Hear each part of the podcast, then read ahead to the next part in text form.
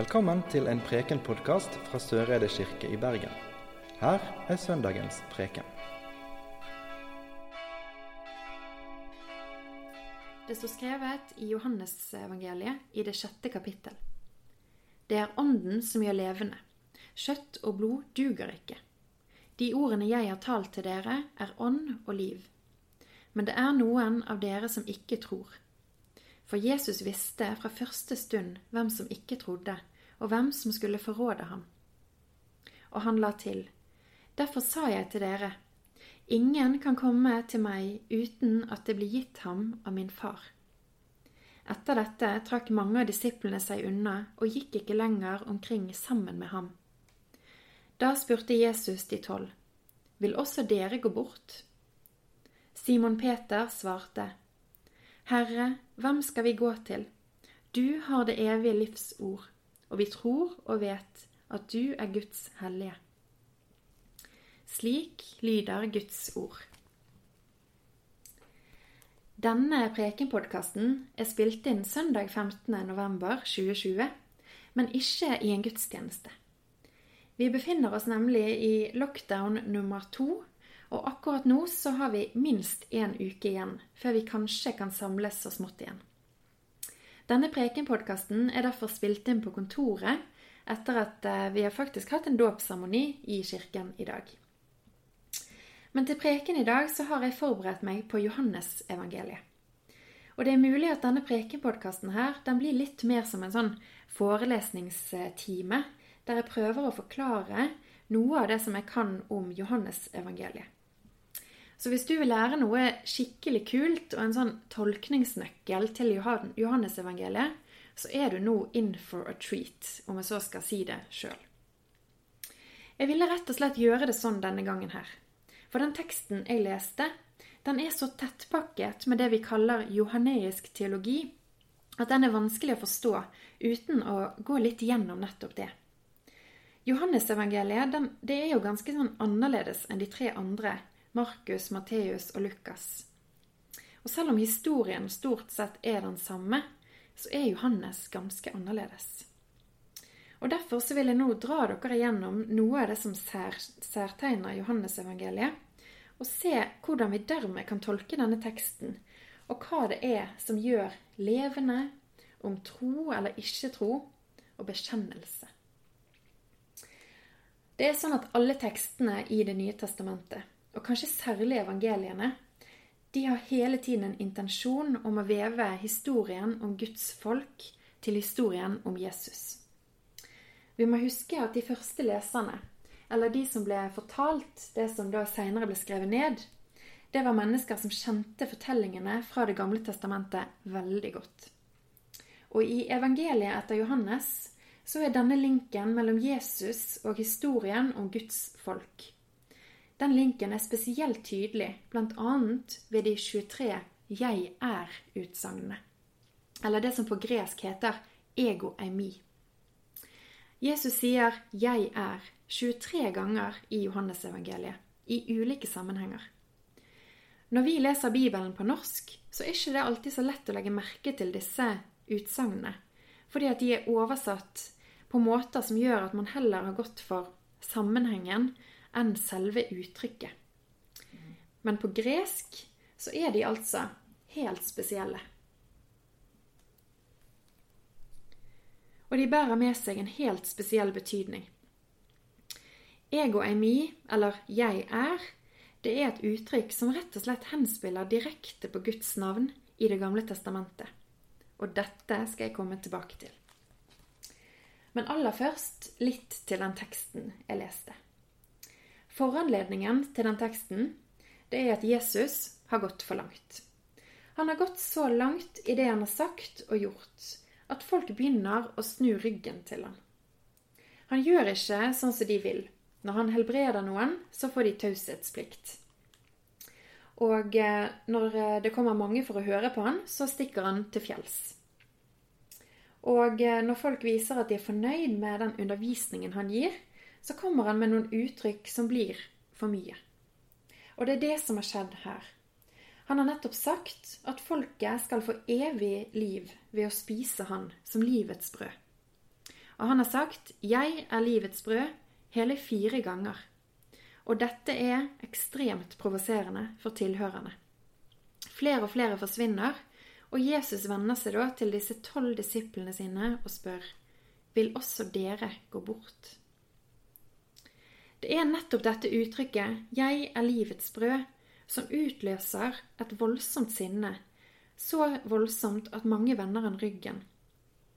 Og det er òg det som utløser at Peter i slutten av vår tekst kommer med en bekjennelse som nok er større enn det han sjøl har forutsetninger for å forstå der og da. Han sier, Herre, hvem skal vi gå til? Du har det evige livets ord, og vi tror og vet at du er Guds hellige. Det er sånn at selve spenningsmomentet i Johannesevangeliet, det ligger i om folk Jesus møter, vil forstå og komme til en bekjennende tro, eller misforstå han og ende opp med å forlate han. Ettersom leseren vet at Guds ord, ordet, logos på gresk, ble menneske eller kjøtt, sarks på gresk, allerede i prologen i kapittel 1, så blir disse møtene mellom Jesus og mennesker veldig spennende. Kommer de til å skjønne hvem han er? At han er ordet som har blitt menneske, kommet til jorden og tatt bolig iblant oss. Og Det finnes mange linker til Det gamle testamentet i Johannesevangeliet. Og en av de mest særegne, utenom denne prologen i første, i første kapittel, som spiller direkte på skapelsen i første Mosebok, så er disse her 'jeg er'-uttrykkene helt spesielle. Jesus bruker altså sånne 'jeg er'-uttrykk om seg sjøl hele 23 ganger i evangeliet. Blant annet altså rett før vår tekst, der han sier 'Jeg er livets brød'. Og Gjennom å bruke dette 'jeg er'-uttrykket, så peker forfatteren av evangeliet dermed tydelig på en dypere forståelse av forholdet mellom Faderen og Sønnen. Og dette er sterk kost. Monoteismen den var, og er fremdeles den dag i dag, veldig viktig i jødedommen. Og I denne sammenheng så handlet monoteisme om jødenes forestilling om at man bare skulle tilbe én en eneste gud, som altså var den sanne, aktive og levende Gud. Og denne formen for monoteisme den settes på prøve og utvides i Johannesevangeliet. Prologen i kapittel 1 den starter med å identifisere Guds sønn med Guds ord. Johannesevangeliet fastholder at det bare finnes én Gud, men det er en sammenheng mellom Faderen og Sønnen. Uttrykket 'jeg er' det har en enorm kraft. Og For å forstå hva som er så spesielt med dette 'jeg er'-uttrykket, så må vi altså gå til Det gamle testamentet. Vi må faktisk gå nesten helt fram til andre Mosebok. Der sies det at 'jeg er' det er selve navnet på Israels Gud. Guds navn, og dermed også Guds identitet, den blir første gang åpenbar til Moses i den brennende tornebusken i andre Mosebok 3.14.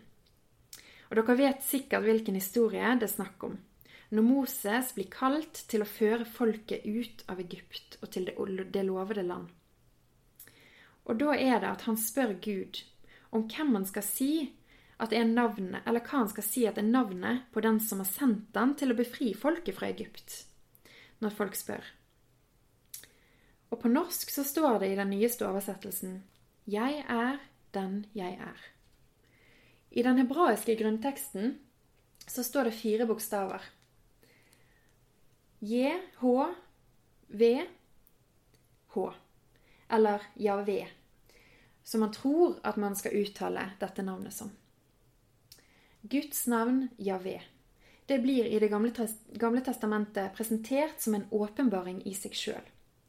Guds navn det er en viktig måte å få fram Guds aktivitet, nærvær, karakter og væren. Navnet Javé det er basert på et eh, hebraisk ordspill på verbet haya, som betyr å være, bli, skje. Og oversettelsen fra hebraisk, den er omstridt. Mange vil oversette navnet med det som vi har i vår bibel, 'Jeg er den jeg er'. Noen foretrekker 'Jeg er den jeg vil vise meg å være', mens andre igjen vil oversette med 'Jeg er fordi jeg er'.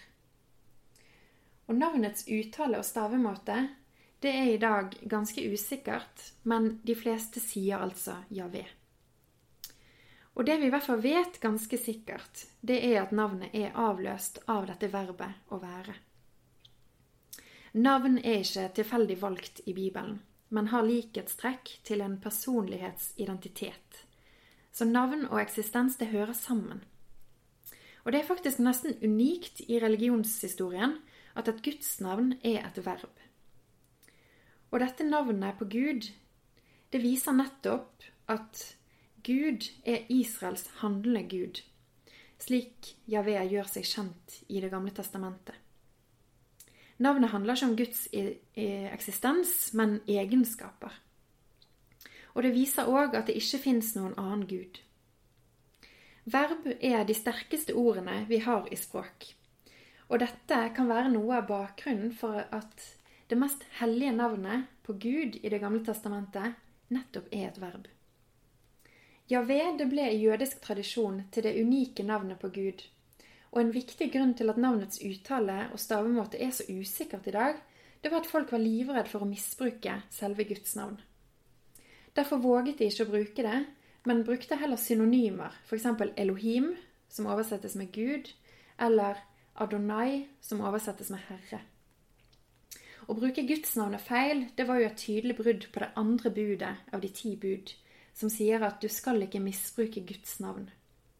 Og Derfor så var det bedre å være på den sikre siden og heller bruke disse synonymene. Vi skjønner at gudsnavnet, det var veldig viktig. Og etter hvert så ble Det gamle testamentet oversatt til gresk, det språket som Det nye testamentet er skrevet på. Og der oversatte man Javé til ego eimi. Og dette er altså det uttrykket Jesus bruker om seg sjøl 23 ganger i Johannesevangeliet. Når Jesus fra Nasaret bruker dette 'eg og ei mi'-utsagnet, så, så, knytter han det til seg sjøl, og det vekker en bemerkelsesverdig og oppsiktsvekkende respons hver gang det uttrykket brukes i Johannesevangeliet. Bruken av 'eg og ei mi' det understreker at Jesus og Gud er ett og det uttrykker en intim forening mellom Jesus og Gud, som er helt fremmed i noen kjent jødisk tradisjon på denne tiden. Og i alle tilfellene der uttrykket brukes, så uttrykkes det òg en kristologi. Altså en tolkning som satte Jesus som Kristus eller Messias. Og denne kristologien den blir oppfattet av tilhørende noe vi leser ut fra reaksjonene som kommer i etterkant av utsagnet. Kristologien, Jesus som Kristus, som den, frels den frelseren som jødene venter på, den blir enten bekjent eller avvist. Og dette gjør ikke Jesus til en gud nummer to. Men ideen er at den sanne Gud møter folk i Jesus. Altså er uttrykket en høystemt stil som gjør som et uttrykk for guddommelighet, ettersom det i seg sjøl bærer selve gudsnavnet med seg. Ego eimi, det har blitt et viktig belegg for å hevde denne her fader-sønn-relasjonen som finnes i Johannesevangeliet. At Jesus og Gud er ett. Utsagnet det er så kraftig at det ikke kan misforstås. Og så er det sånn at Johannes flere steder er preget av høykristologi, der Jesus tillegges guddommelige egenskaper. Og kristologien i Johannesevangeliet, den er det vi sier inkarnatorisk. Det vil si at han tar utgangspunkt i det som står på første side i evangeliet. Der inkarnasjonen skjer, altså der logos ble sarks, ordet ble menneske og tok bolig iblant oss. Å bekjenne at Jesus er 'jeg er', det er å tro at Gud møter mennesker i Han. Gud sender Jesus til å kalle folket bort fra vantro og tilbake til den guden som har skapt dem. Å møte Sønnen er å møte Faderen som har sendt ham. Og selv om Peter og disiplene bekjenner at Jesus er Messias, så forstår ikke engang de hvor sterk denne enheten mellom Gud og Jesus faktisk er. De skjønner ikke det før etter oppstandelsen. Jesus bruker altså uttrykket 'Jeg er livets brød' rett før vår tekst. Og det er dette som utløser så sterk misnøye at mange vender han ryggen og forlater han. I Det gamle testamentet så er livets brød det brødet som Gud ga israelittene fra himmelen. De 40, da, de 40 årene som de vandret igjennom ørken. Og når Jesus bruker uttrykket på denne måten, så sier han både at han er Gud, og at han gir seg sjøl til folket. Den som tar imot brødet, skal leve til evig tid. Ikke fordi at den som tar imot, spiser brødet fysisk, men fordi at brødet som man tar imot, kommer til og tror på, det er Jesus Kristus. Han som ofret sitt eget liv for at menneskene skulle få frelse. Og denne frelsen den er ikke lenger eksklusiv for Israel, men den inkluderer alle folkeslag og alle typer mennesker til alle tider. Gjennom å ta imot Jesus så kommer Gud oss nær. Gud er nær når vi samles rundt alterbordet, døpefonten, rundt nattverden og rundt ordet. Og jeg må si at jeg gleder meg til vi kan samles og feire nattverd igjen. Men jeg tror òg at Gud er hos, hos oss i denne rare og for mange veldig vanskelige tiden. Jesus sa 'Jeg er', ego eimi, 23 ganger ifølge Johannesevangeliet. Men han har òg sagt at han er med oss alle dager inn til verdens ende. Det er håpet mitt og troen min. At Gud har tatt bolig hos oss, og siden aldri forlatt oss. Ære være Skaperen, Frigjøreren og Livgiveren, som var, er og blir, én sann Gud fra evighet og til evighet. Amen.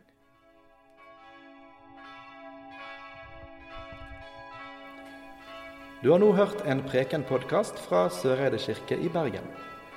Vi samles til gudstjeneste hver onsdag og søndag, og har ellers arrangement for alle aldre. Følg oss gjerne på Facebook og Instagram eller finn oss på kirken.no soreide. Takk for at du hørte på.